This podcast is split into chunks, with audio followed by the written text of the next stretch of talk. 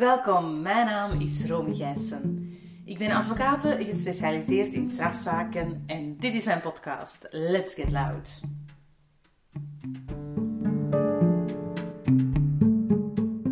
Deze aflevering draagt de titel Vrouwen Justitia.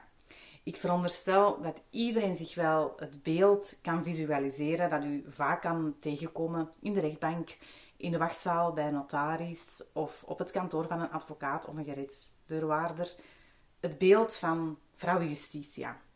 De Romeinse godin die geblinddoekt of met de ogen gesloten in haar rechterhand een zwaard draagt en in haar linkerhand een weegschaal. Het symbool van rechtvaardigheid. Even een leuk weetje. De blinddoek staat voor rechtspraak zonder aanzien des persoons. De weegschaal voor het afwegen van feiten en omstandigheden. En het zwaard voor het recht om een vonnis te vellen. Nu, wat mij vooral interesseert aan dat beeld van vrouw Justitia, is dat al deze symboliek is uitgebeeld door een vrouw. Terwijl wanneer we doorheen de geschiedenis kijken, is justitie voornamelijk een mannenwereld. En tijdens deze aflevering wil ik jullie graag meenemen naar de vrouw binnen justitie, binnen de advocatuur en binnen het strafrecht. Nu, de laatste jaren zijn bij de toegangspoort aan de balie de vrouwen aan de macht. Queen Bee heeft niet voor niets de vraag gesteld: Who run the world? Maar wanneer we dan de leeftijdsladder gaan opklimmen, overheersen de mannelijke oerinstincten nog steeds. Hoe zou dit komen? Nu, veel jonge vrouwen kiezen inderdaad de laatste jaren voor het beroep als advocaten, maar ze stoppen ook vaak na een aantal jaren. Terwijl dan in de jaren 50, 60 nog steeds weinig vrouwen kozen voor het beroep van advocaat. Misschien dat daardoor het overgewicht van mannelijke confraters kan verklaard worden. Nu, ik ben zelf in 2009 aan de Bali begonnen en ben tijdens mijn stage begeleid geweest door een vrouw. Daarna ben ik samen met een vrouwelijke collega een eigen kantoor gestart. Dus zelf kom ik uit een vrouwelijk juridisch nest. Ik ben dan misschien niet de meest gepaste persoon om in te denken waarom bepaalde advocaten na enkele jaren hun toga aan de haak hangen ik wil eigenlijk net van deze gelegenheid gebruik maken om andere dames te inspireren en te blijven geloven in hun droom, wanneer deze droom is om als advocaten een eigen kantoor te runnen. De momenten wanneer ik zelf dan ben geconfronteerd met het overgewicht van testosteron, was wanneer ik de correctionele zittingszaal binnenkwam en de enige vrouw betrof ik heb, en ik doe dit uiteraard nog steeds, zo vaak moeten pleiten tussen de mannelijke gevestigde strafpleiters. En als jong veulen vol enthousiasme was ik de eerste jaren van mijn carrière wel enigszins geïntimideerd daardoor. Het is gewoon een feit dat je op dat moment als vrouw de borst vooruit wilt steken en nog meer bewijsdrang voelt wanneer je als een kip tussen allemaal haantjes loopt, wil je gewoon extra erbovenuit steken. Er is toch een zekere druk voelbaar. Je wilt niet falen. Je tracht op je best te presteren. En ik begrijp wel dat dat misschien voor veel vrouwen een reden is om inderdaad die toga aan de haak te hangen. Of ook niet meer te kiezen voor dat strafrecht. Want inderdaad, in het strafrecht zijn het wel overwegend, toch in het begin van mijn carrière, overwegend mannelijke confraters. Nu is dat uiteraard anders. Er is duidelijk een vervrouwelijking, vervrouwelijking aan de balie. En ook binnen het strafrecht steeds meer vrouwen kiezen om zich te specialiseren in strafzaken. Er zijn ook steeds meer jonge vrouwelijke masters in de rechten die afstuderen aan de universiteit en de weg vinden naar de balie. Ik wil toch kort eventjes de geschiedenis induiken, want het dient hier toch wel gesteld te worden dat vrouwen hun positie hebben moeten veroveren. Voor de luisteraars die eveneens de rechtenstudies hebben doorlopen, zal wellicht Marie Popelin bekend in de oren klinken. Deze vrouw wenste zich in 1888 als eerste in te schrijven aan de balie. Zij werd geweigerd. Het Hof van Beroep in Brussel stelde zelfs dat vrouwen fysiek, intellectueel en emotioneel niet over de vereiste kwaliteiten beschikten om het zware beroep van advocaat op te nemen. Uiteindelijk zou pas in 1922 de mogelijkheid bestaan voor vrouwen om zich in te schrijven aan de balie, mits toestemming van hun echtgenoot. Stel u voor. En gelukkig zijn we 100 jaar later als vrouwen ruim vertegenwoordigd als advocaat. Ehm, sinds 2013 trouwens werd de eerste vrouwelijke stafhouder verkozen aan de balie van Antwerpen. De stafhouder, voor diegenen dat dat niet weten, is uh, diegene die toeziet op de deontologische plichten van advocaten. Dus voor het eerst kon een vrouw confraters op de vingers stikken. Wat een evolutie. En zonder feministische uitlatingen te willen doen, we zijn er nog lang niet. Maar mijn inziens zijn we binnen justitie wel op de goede weg.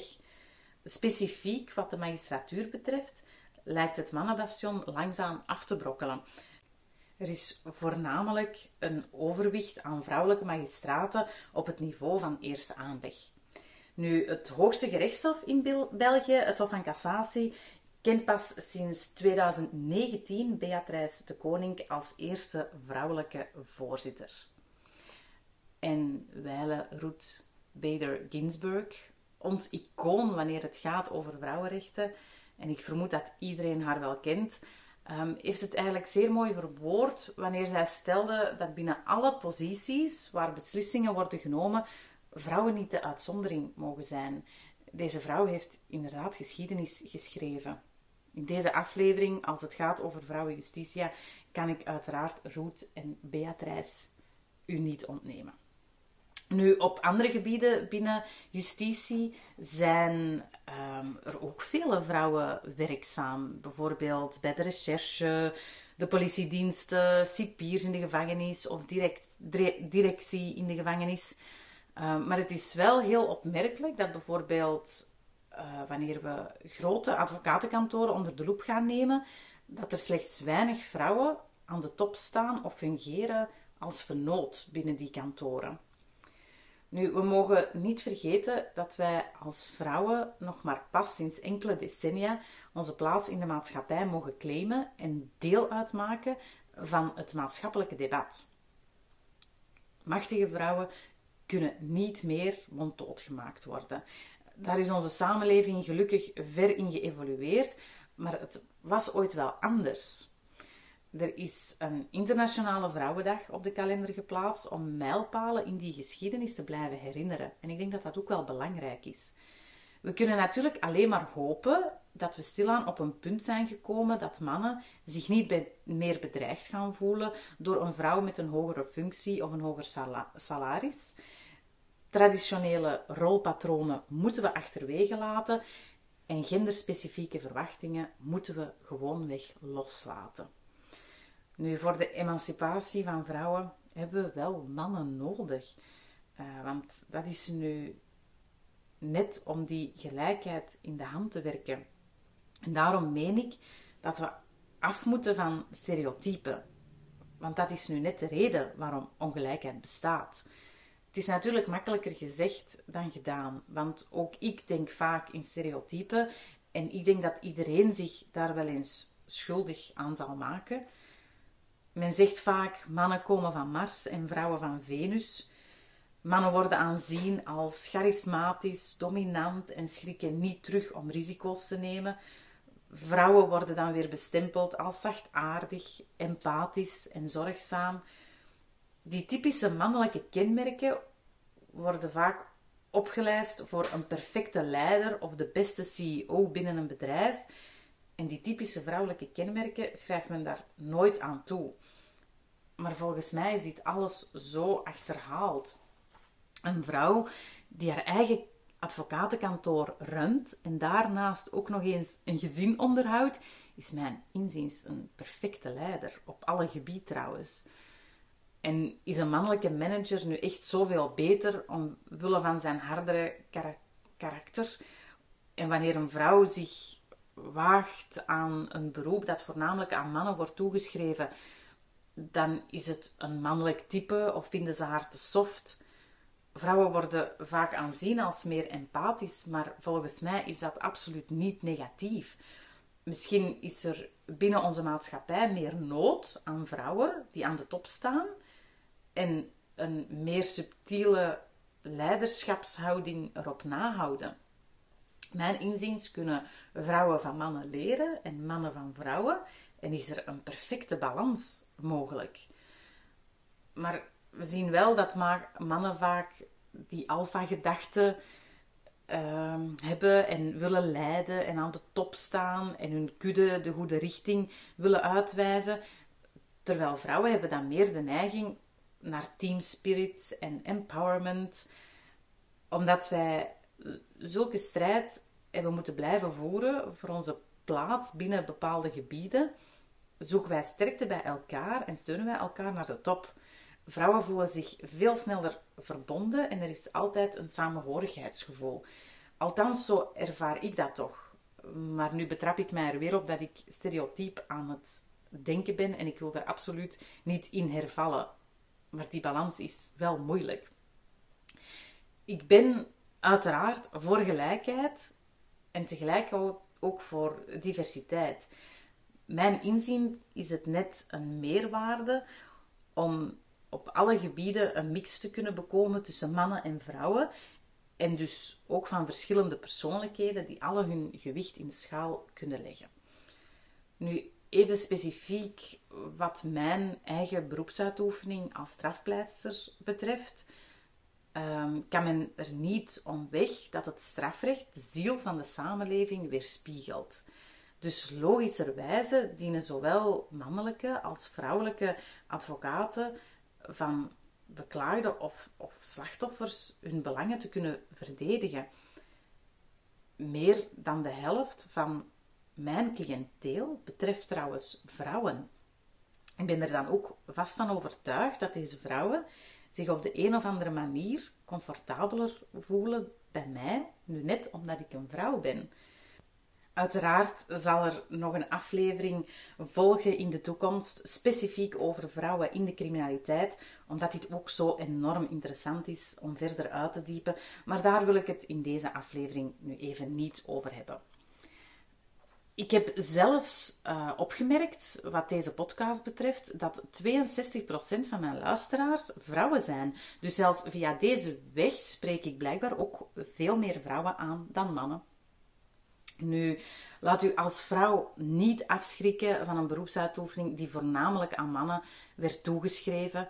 Een eigen advocatenkantoor is perfect te combineren met een leven daarbuiten. Dit alles zie je natuurlijk zelf in te vullen en heb je zelf in de hand. Het klopt dat een strafpleiter geen 9-to-5 job heeft, want de criminaliteit staat geen dag of uur. Elk moment van de dag kan ik worden opgebeld voor bijstand van een verhoor blijft administratie liggen die dan later dient te worden opgepikt en staan alweer pleitzittingen gepland. Er zijn reeds zoveel dames die dit hebben voorgedaan, dus waarom zou u dat dan ook niet kunnen? Maar laten we toch ook even de mannen niet vergeten. Ik ben ondertussen 13 jaar aan de balie en ik kan alleen maar stellen dat alle mannelijke gevestigde waarden alleen maar respect hebben uitgebracht aan mijn zijde en ik nooit een genderonvriendelijke opmerking heb mogen ontvangen. Misschien zijn er mannelijke confraters die het moeilijk hebben met vrouwen in toga. Die weten het dan alleszins toch wel goed te verbergen. In ieder geval ben ik enorm verheugd dat er een vervrouwelijking is aan de balie. Ik sta niet meer alleen op mijn pumps te pleiten. Alleen merk ik dat op sommige praktische gebieden de vervrouwelijking niet echt is aangepast. Veel confraters, vrouwelijke confraters, zullen mij begrijpen met wat ik bedoel wanneer ik verwijs naar de sport-BH die speciaal wordt aangetrokken om de metaaldetectie te doorstaan in de strafinrichting van Merksplas en van Hasselt. Ik denk zo ook bijvoorbeeld aan de prachtig geboende park parketvloer van het Vlinderpaleis in Antwerpen. Een serieuze uitdaging om niet uit te schuiven op hoge hakken. Denk ook aan de fantastisch mooie kasseien op de loopbrug naar het kasteel in Turnhout. een echt mijnveld voor stiletto's. Eveneens de binnentuin van het gerechtsgebouw in Mechelen is paniek voor mijn pumps. Maar niets weerhoudt mij om uit mijn hakken te treden, want dat is nu juist mijn vrouwelijkheid. En dat compenseert met de toga die ik dien te dragen. Hoewel ik enorm fier ben op mijn toga, vind ik dat deze toch een, eens in een nieuw kleedje mag gestoken worden. En ik was duidelijk ook niet de enige die daar zo over gedacht heeft. Ehm, want ik wil verwijzen naar een event van de conferentie bij de Bali van Antwerpen, dat eind mei 2011 werd georganiseerd. Dat was een Fashion Award, genaamd Toga 125. Dat werd uitgereikt aan het meest originele ontwerp van de toga. Het Justitiepaleis in Antwerpen werd dan omgetoverd tot een catwalk, waar de ontwerpen werden geshowd door advocaten zelf. De meeste ontwerpers waren effectief actief in de modesector, maar ook studenten en advocaten hebben hun kans gewaagd om een prachtig ontwerp naar voren te schuiven. Ik zal uiteraard van de gelegenheid gebruik maken om op mijn Instagram-pagina het winnende exemplaar te tonen. U volgt wellicht mij al via Instagram Romy underscore Gijssen underscore advocaat. U kan dan zelf oordelen of u dit wel of niet kan, het ontwerp dat uiteindelijk het award gewonnen heeft.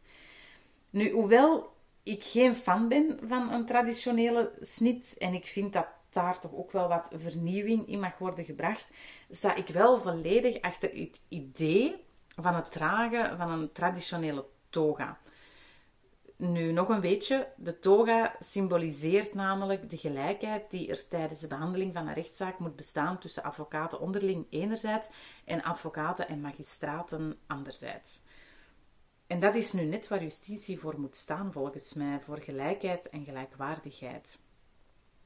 En hoewel vrouw Justitia het symbool is voor rechtvaardigheid, had uiteraard die blinddoek de weegschaal en het zwaard niet misstaan bij een stevige torso, maar daar hebben de Romeinen destijds anders over beslist. Er is een lange weg afgelegd en nogmaals, het was zeker niet mijn bedoeling om geschiedenisles te geven, maar als vrouwen komen wij van zeer ver wanneer het gaat over onze rechten en de gelijke kansen met mannen, maar specifiek binnen de beroepsuitoefening als advocaat zijn we de laatste 100 jaar sterk vertegenwoordigd en zal deze trend zich duidelijk nog verder zetten. En dat verheugt mij uiteraard enorm, voornamelijk omdat ik er zelf deel van mag uitmaken. Meer pumps op de planken, high heels on top. Hartelijk dank om te luisteren naar deze aflevering.